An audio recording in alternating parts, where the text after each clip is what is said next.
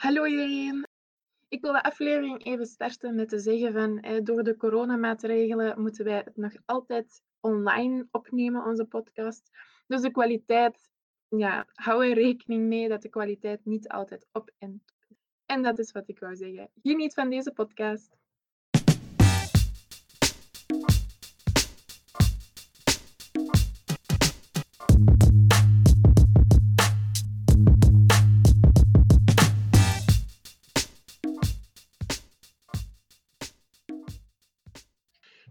Vandaag bij mij hier 2 april. Dat wil dus zeggen dat we het einde zijn van onze klimaatweek voor dit schooljaar. Ik hoop dat enkel van jullie toch al wat activiteit heeft kunnen volgen van ons. Maar als dat niet zo is, als je geen tijd hebt gevonden, wees niet getreurd. Volgend schooljaar komt er zeker nog een klimaatweek. En dan zullen de activiteiten ook weer al zeker de moeite zijn. Maar goed, dus uh, we hebben in onze Klimaatweek een workshop gedaan rondom circulaire economie. Omdat we toch wel vonden dat dit een onderwerp is dat meer en meer wordt over gebabbeld, wat super is. Dus we dachten dat het heel interessant was om hier ook een aflevering aan te wijden. En daarvoor hebben wij Michiel uitgenodigd. Michiel is een alumni van onze Green Office. Hij heeft één of twee jaar was het twee jaar, Michiel? Ik heb maar één jaar uh, Green Office gedaan. Ja, één heel leuk jaar uh, met Green Office meegewerkt. Hij was, is dus, was een student uh, productontwikkeling en nu werkt hij drie jaar als productontwikkelaar. En hij heeft zich daar verdiept in circulaire economie. Correct, correct, correct. Dat klopt. Voilà, hallo Michiel. Hallo, kei leuk. Ja, eigenlijk al meteen een vraag aan u is van toen je productontwikkeling ben, bent gestart, had jij toen al direct zo van hoe er moet iets veranderen, het moet wat circulairder allemaal? Of is dat in de loop van de jaren zo gekomen dat jij daarin bent gaan verdiepen? Ik denk dat dat, naar mijn, naar mijn ding is, dat, dat is heel, heel langzaam gestart. Want ik denk toen ik 18, 19 was, was ik daar niet zo extreem mee bezig. Um, maar doordat je meer en meer opdrachten begint te doen, hè, in de context van productontwikkeling, denkt ah, tja, en ook inspirerende leerkrachten natuurlijk. Ik denk, Karin van Doorselaar, die heeft mij heel hard uh, geïnspireerd. Om daar toch in verder te gaan en kijken van, kijk, kijk wij hebben daar wel een impact op. Uh, dus mm -hmm. een tal van uh, 80% van, uh, van, de, van de uitstoot wordt eigenlijk al, van je product wordt eigenlijk al beslist in je ontwerpfase. Yes, inderdaad. Uh, of dat dan nu op de nagel op de kop is, is dat nu 70, is dat nu 40 procent, maakt niet, uit, niet, niet zoveel uit. Het betekent gewoon dat je wel een impact hebt. Als je iets gaat maken of je zit iets op de markt, dan heeft dat een impact op je wereld. Dus daarom is dat wel altijd belangrijk om daarover na te denken. Dat mm -hmm. je de juiste dingen doet. Uh, dus... En je start er dan ook echt met productontwikkeling om zo een impact te kunnen hebben? Of... Uh, nee, dat was, dat was eigenlijk gewoon een, een, een, een, een de... Ik was aan het twijfelen zelfs tussen grafische vormgeving en ik dacht, nee, uh, productontwikkeling zal het worden. Maar langzaam ben ik daar gewoon meer in gaan rollen. En hoe meer dat je leest, ja. hoe meer dat je ook verdiept, ja. begin je te beseffen van, tja... Uh, en zo bepaalde opdrachtjes dat je doet waarschijnlijk in ja. Er, ja, dat je ook begint van, ah, ik heb hier wel. Allee, er heeft hier wel een, een zeg in. Sommige opdrachten liggen nu meer dan andere, en dan begin je wel langzamerhand te beslissen van, oké... Okay, Uh, ik heb dan mijn thesis gedaan uh, bij Volvo uh, ah, ja. rond plastic recyclage. Ah. ook nog zo van, ah ja, wat gaat dat nu zijn, wat gaat dat nu worden? En plastic recyclage dan in het auto gebeuren? Of meer ja, dat was bijvoorbeeld, dat was wel heel impressionant. altijd wel cool als je voor je thesis met bedrijven gaat samenwerken, omdat je ook mm -hmm. ziet hoe ziet dat nu buiten onze academische muren? Um, hoe is dat in het echt? Wat is, ja. wat is de echte wereld? Ja, dat is nog altijd anders. autofabriek kom je dan te zien, maar kijk, uh, er komen zoveel componenten samen, want een autofabriek zet heel veel stukken samen tot een auto.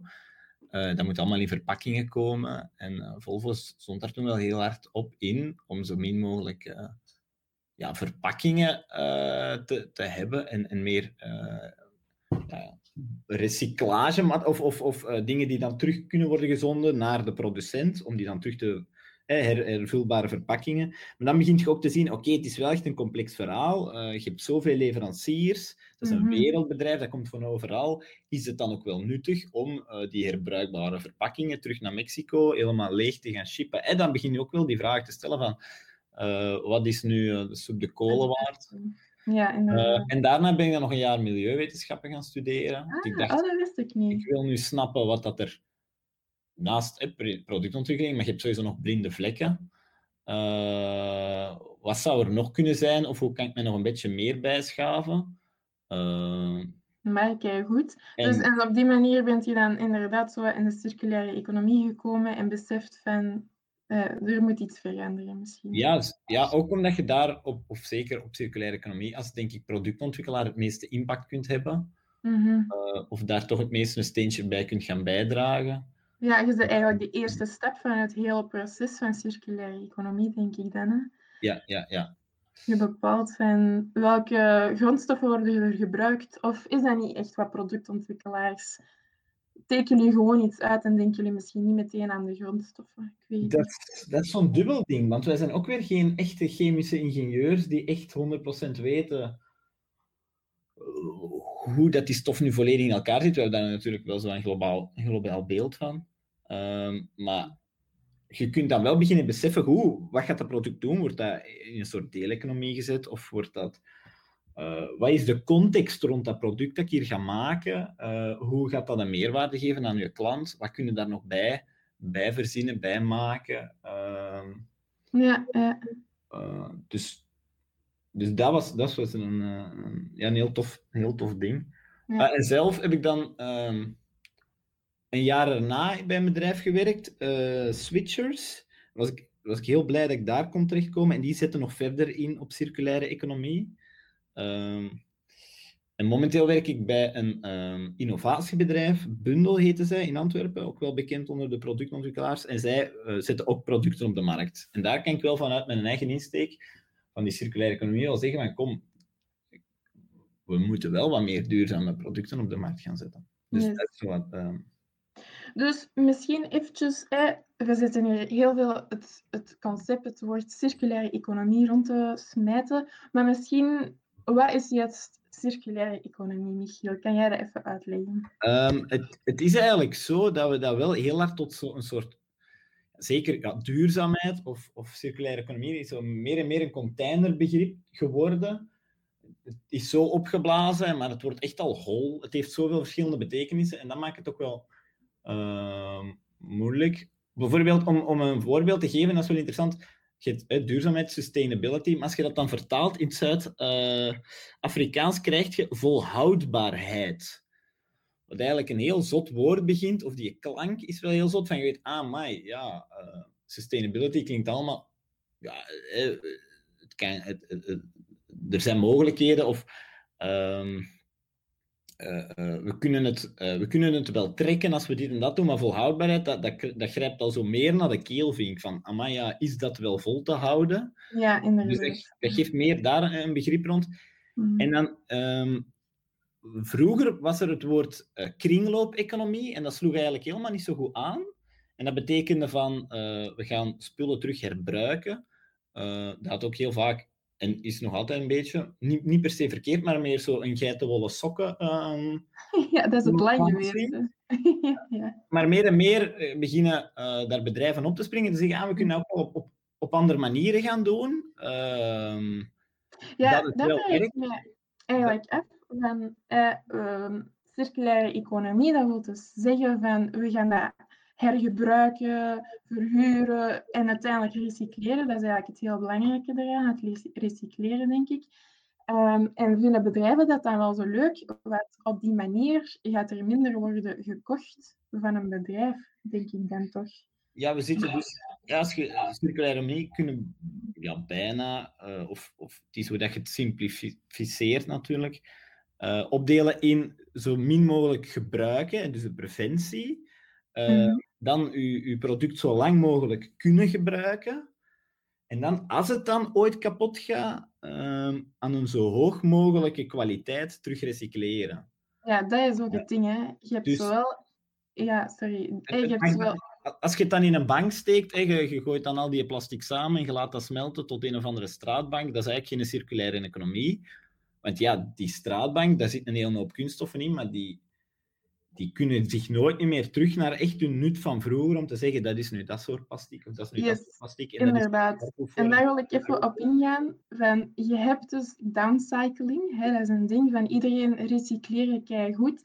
Maar je hebt dus ook zoiets als downcycling. En downcycling is dat, dus pak nu een plastic flesje, daar zitten allemaal chemische componenten in. En als dat wordt gerecycleerd en tot, terug tot zijn basis wordt gebracht, en dan terug wordt geassembleerd, dan kunnen die chemische componenten in zo'n foute um, uh, range, um, uh, de hoeveelheden van sommige chemische componenten zijn dan niet meer in orde om een goed product, een goed kwaliteitvol product te zijn. En dat noemt men dus downcycling. En dat gebeurt nog zoveel.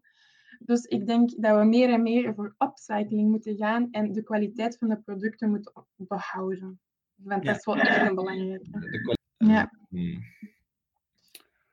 Ja, ik vond eigenlijk, van, om nu even circulaire economie um, te definiëren. Ik heb hier van het Europese parlement een heel schone definitie eigenlijk. Uh, even om het gewoon duidelijk te maken voor de luisteraars. Van circulaire economie is een model van productie en consumptie, waarbij bestaande materialen en producten zo lang mogelijk worden gedeeld, verhuurd, hergebruikt, hersteld, opgeknapt en gerecycleerd worden om meer waarde te creëren. Ja, en inderdaad een zo hoog mogelijke kwaliteit op het einde uh, te krijgen. En wat dat dus verder koppelt aan uw vraag van daarjuist, hoe kunnen bedrijven mm verdienen? Ja, dat is heel interessant, maar daar zitten dus volledig nieuwe verdienmodellen in. Um, er is een, een, hele tijd, en dat gaat nog wel door, doorgaan met zo, um, je kunt producten huren. Uh, en omdat je producten huurt, er is een heel typisch voorbeeld, Paperlux uh, van Philips ooit, ik denk een kleine tien jaar geleden. Uh, die man zei, dat is Thomas Raun, een architect, die man zei, ah, ik wil hier, ik wil, geen, ik wil geen lampen in mijn huis, ik wil gewoon licht ik wil gewoon uh, dat, mijn, dat mijn mensen in mijn kantoor kunnen werken, maar welke armaturen dat dan nu zijn, maakt niet uit. Uh, en dat is dus een heel ander. Dus Philips is dan aan de slag gegaan en zegt: Oké, hoe kunnen wij er nu voor zorgen uh, dat wij die lampen gaan maken, maar dat we die lampen, als die dan kapot gaan, wel makkelijk terug kunnen herstellen. Dus je gaat eigenlijk op een heel andere manier gaan ontwerpen. Ehm, omdat Philips dus instond voor al die lampen, Ehm, en dat Thomas Rauw, of de architect, enkel maar betaalde voor, um, voor, de, uh, voor, de huur van het product, moest Philips ook gaan nadenken hoe kunnen we die producten zo energie-efficiënt mogelijk zijn, zodat ze daar ook uh, een, een deeltje van de winst uit kunnen halen. Dus op die manier, als je bijvoorbeeld naar een soort huurverdienstmodel gaat, een product service system noemen ze dat bijvoorbeeld, moet ook de producent gaan denken van ja, hoe kunnen wij er ook winst uit maken in dat verhuurmodel? Uh, door het product zo eenvoudig mogelijk te kunnen uh, te repareren, hè, zodat ze het zo lang mhm. mogelijk kunnen verhuren aan die mensen. Ja. Uh, dus dat is bijvoorbeeld een, een manier. Ehm, maar er zijn nog al, allemaal andere businessmodellen die je kunt bedenken om ervoor te zorgen dat dan een circulaire economie uh, ja, mogelijk maakt. Um, dus bijvoorbeeld is er ook een softwarebedrijf, uh, en als ik onlangs tegenkomen, die, um, die geven mini-verzekeringen. dus ik wil aan, aan u bijvoorbeeld mijn camera geven of huren, hè, lenen. Um, maar wij kennen elkaar niet zo goed en ga je die camera wel teruggeven als je op reis gaat? Misschien gaat jij die in het water laten vallen. En je hebt mij nu wel 40 euro gegeven om die te huren, maar hoe zit dat nu verder?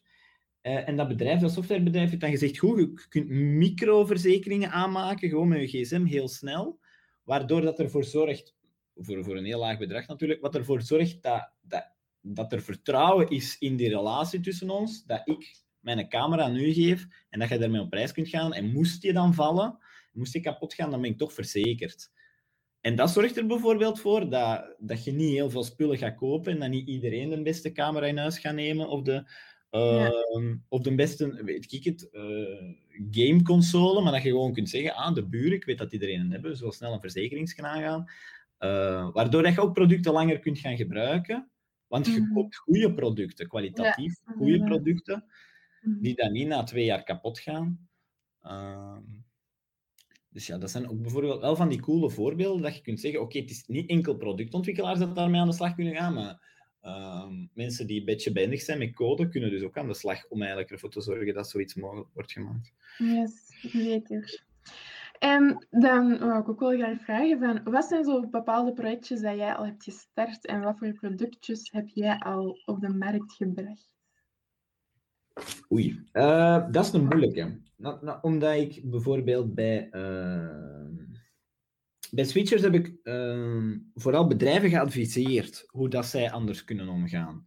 Ehm, dus toen heb ik met een paar bedrijven een soort ja, stappenplan opgesteld van kijk, hoe kunnen jullie nu duurzaam gaan? Hoe kan dat nu? Welke mogelijkheden zijn er? Mm -hmm. uh, is dat er eigenlijk al heel veel ideeën zijn. Die zijn mhm. er met, of op het web. Of, en dat je zelf kunt zeggen, ja, ik, ik zou op die dingen inzetten en die dingen inzetten.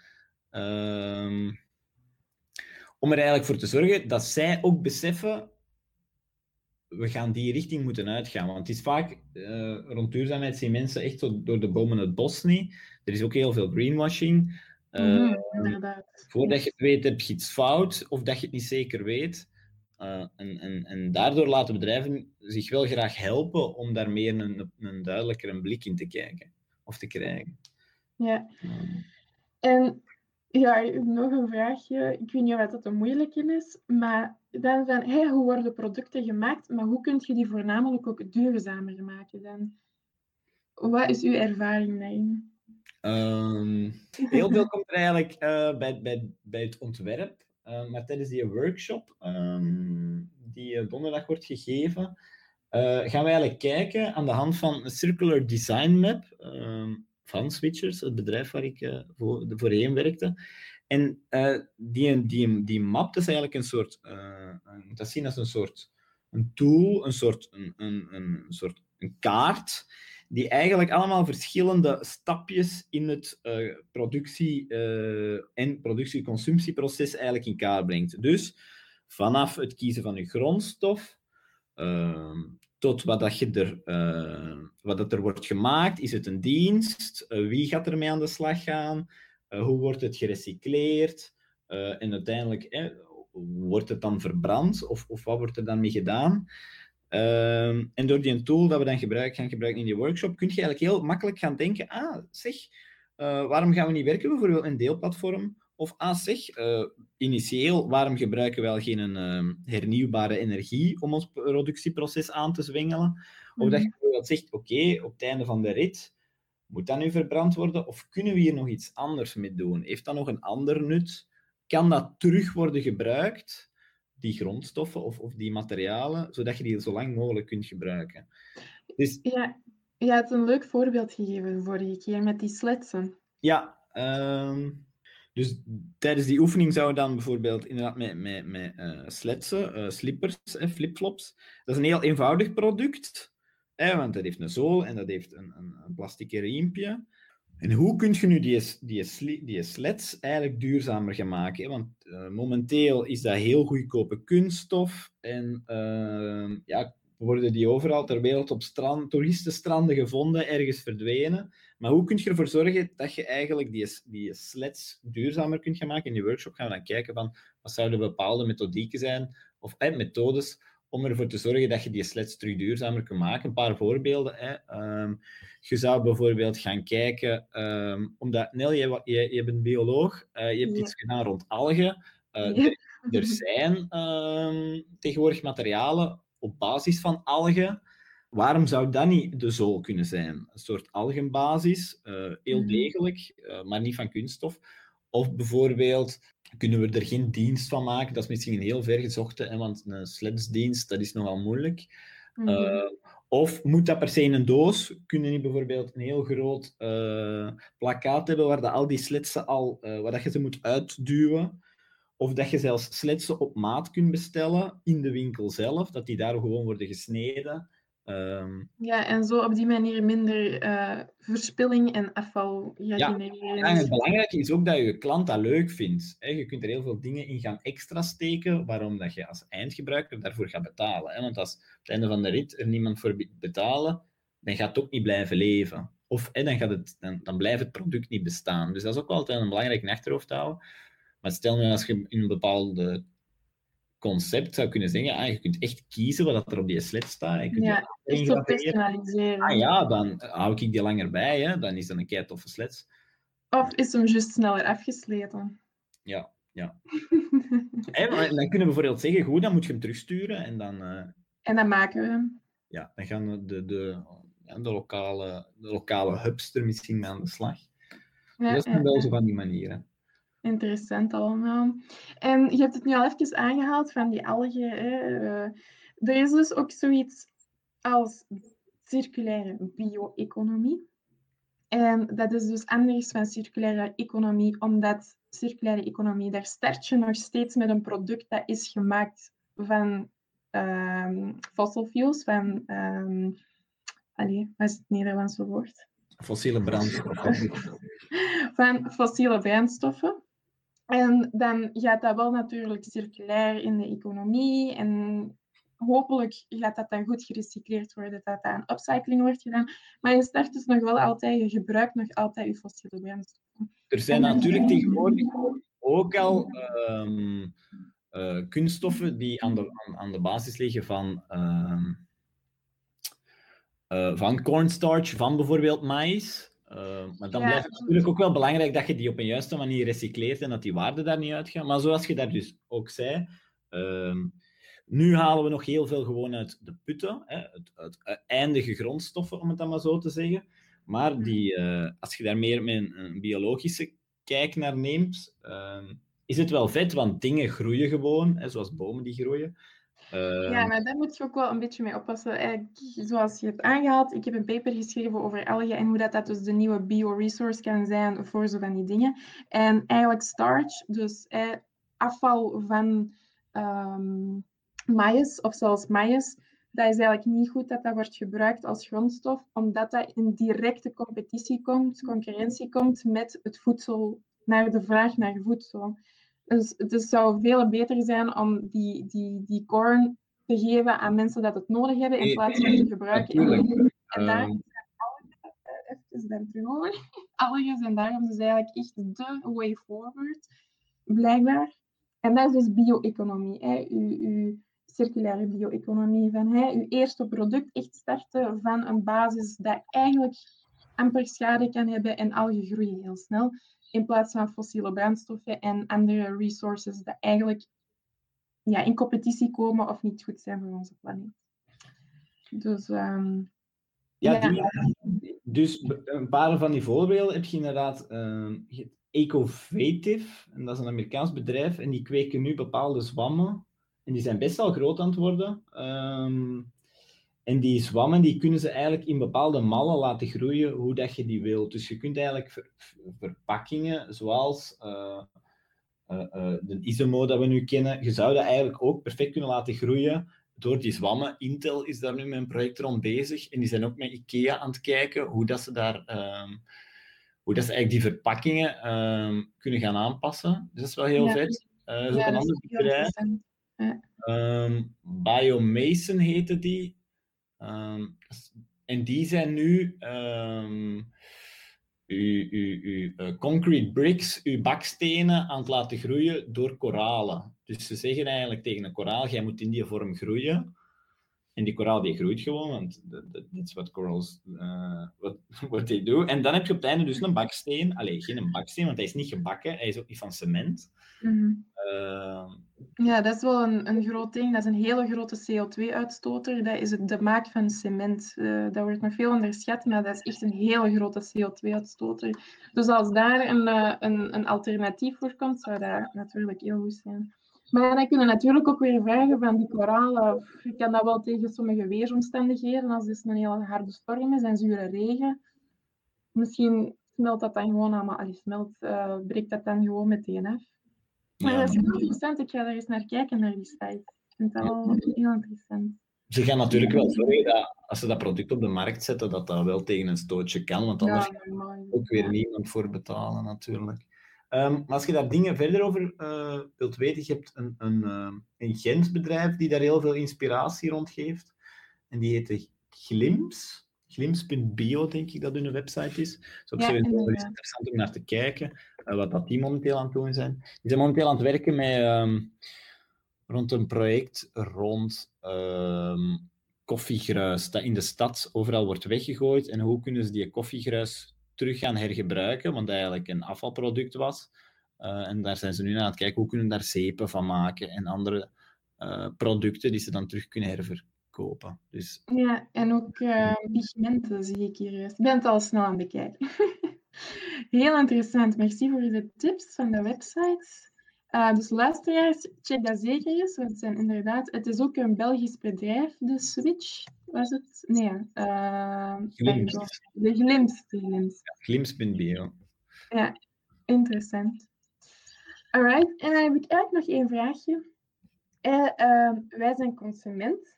Kunnen wij hier iets aan doen? Aan heel het probleem. Hebben wij hier eigenlijk een effect? Of moet het echt allemaal zo van hogerop komen en de bedrijven het doorhebben? Maar uiteindelijk heeft dat wel iets met elkaar te maken, denk ik. Hè? Ja, dat hangt ongetwijfeld aan elkaar vast. Ehm, wij zijn, zeker als Europese burgers, wij zijn, wij zijn consumenten, wij kopen dingen.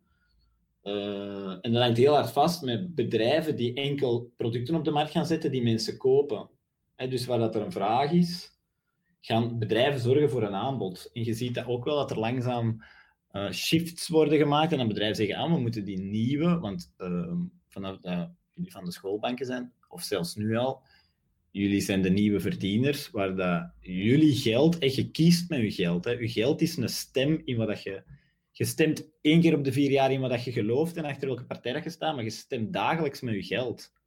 Waar dat je geld insteekt, heeft een direct effect op je wereld rond u. En dat zit zelfs ook verder. Je kunt dan zelfs gaan kijken, ja, de bank waar dat ik bij zit, is dat een juiste bank? Wat doet die eigenlijk met mijn geld? Investeren Mhm. in nieuwe projecten? En wat zijn die nieuwe projecten? Bankwijzer.be is er wel een interessante in. Maar je kunt ook verder gaan kijken, wat is mijn voedingspatroon?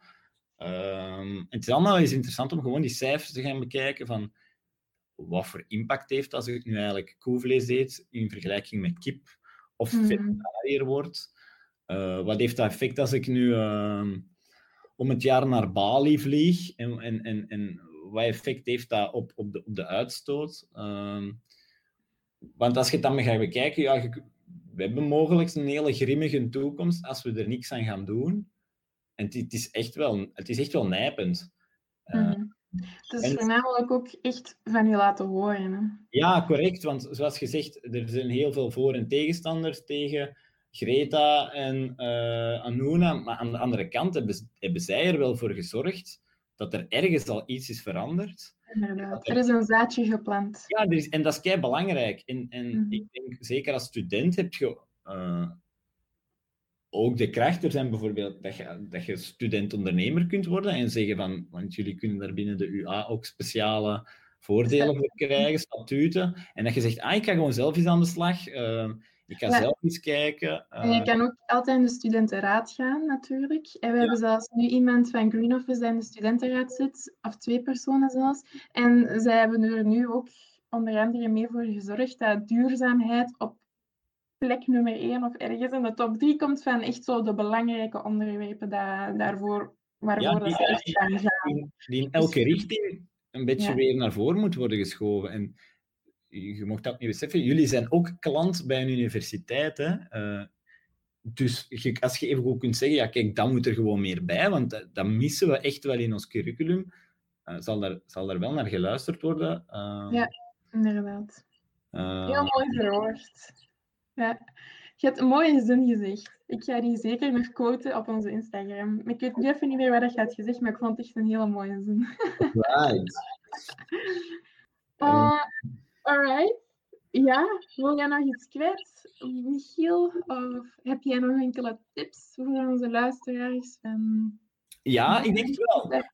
Ehm, als, je, als, als je vindt dat je, dat onderwerp je iets aandoet, of, of als je zegt van ja, ik, ik wil er echt wel mee verder, is het sowieso wel interessant om in de verdere opleidingen of is te kijken, kun je iets doen rond thesisonderwerpen? Um, mm -hmm, in de markt, want dat is ook weer iets, uh, als student, zeker nu, je, bouwt eigenlijk een soort profiel op en hoe dat je later naar bedrijven gaat toestappen, kun je bijvoorbeeld zeggen, kijk, ik heb heel veel, bijvoorbeeld in uw situatie, heel veel onderzoek gedaan naar algen. Uh, ik weet daar in mijn jaar eigenlijk het meeste van, want ik heb daar een thesis over geschreven en de rest niet. Dan heb je eigenlijk, kun je eigenlijk al perfect zeggen, maar kijk, uh, ik hoor in jullie onderzoeksteam, want ik heb daar uh, in te zeggen of ik heb daar meer kennis over. Een manier hoe dat, dat bij mij een beetje is gemerkt, hoe dat, dat wel werkt, is ja, u echt profileren. En dat werkt bijvoorbeeld op LinkedIn is een mogelijkheid. Mm -hmm, ja. ja, ik zit nog maar in mijn tweede bachelor, wat heeft dat nu eigenlijk voor zin? Maar het is denk ik nooit slecht om al gewoon een profiel aan te maken en, en dat langzaam op te bouwen en om, om, om u op die manier ook meer in de markt te zetten. Uh... Ja. Ik wil ook nog een persoonlijke tip daarin meegeven. En uh, dat is, dat doe je huiswerk, zeker als je naar uh, je, volgende studierichting zo. Bijvoorbeeld in biologie heb je dan bachelor en dan master. En dan moet je in je master specifiek gaan kiezen wat je wilt gaan doen. Doe je huiswerk, waar dat er alle mogelijkheden zijn. Je kunt ook, sorry, u Antwerpen, maar je kunt ook naar andere universiteiten gaan. Je kunt zelfs naar het buitenland gaan.